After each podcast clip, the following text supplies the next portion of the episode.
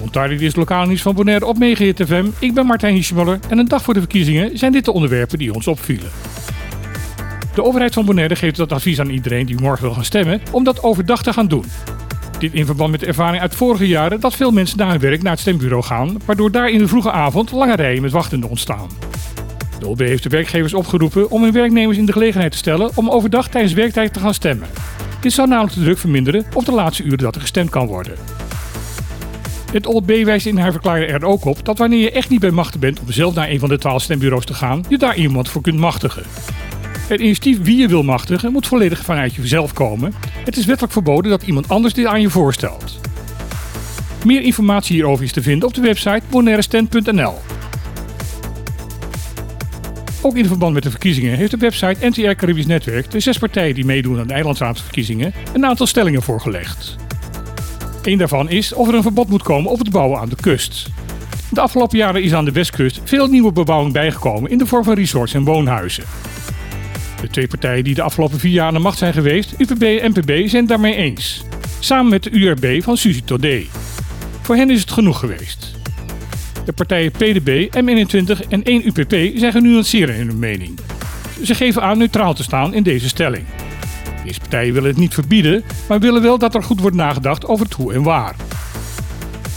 Een andere stelling waar verrassend op wordt gereageerd is de vraag of Bonaire weg moet van het massatoerisme en meer moet gaan focussen op de luxere toerist. Hier is alleen de bestuurspartij NPB een groot voorstander van. De andere vijf partijen die meedoen aan de eilandsraadverkiezingen zijn hier pertinent tegen. De redenen voor deze collectieve afwijzing verschillen per partij, maar de vijf zijn het wel over eens dat het toerisme niet moet worden gefocust op één doelgroep, maar dat het aanbod juist breed gehouden moet worden. De stellingen en meningen zijn na te lezen op de website van het Caribisch Netwerk. Er wordt al jaren over gepraat, maar zo vlak voor de verkiezingen lijkt het er nu toch echt van te komen.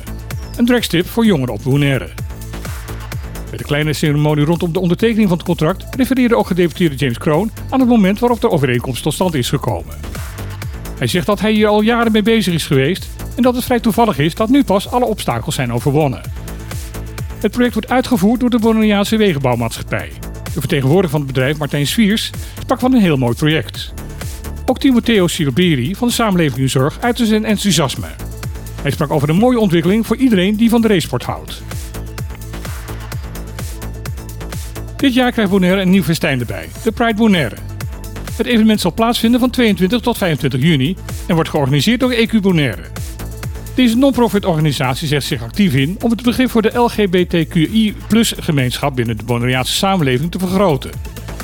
EQ zegt dat het streven van de organisatie is dat iedereen zich op het eiland welkom voelt, ongeacht geaardheid en leeftijdsgroep.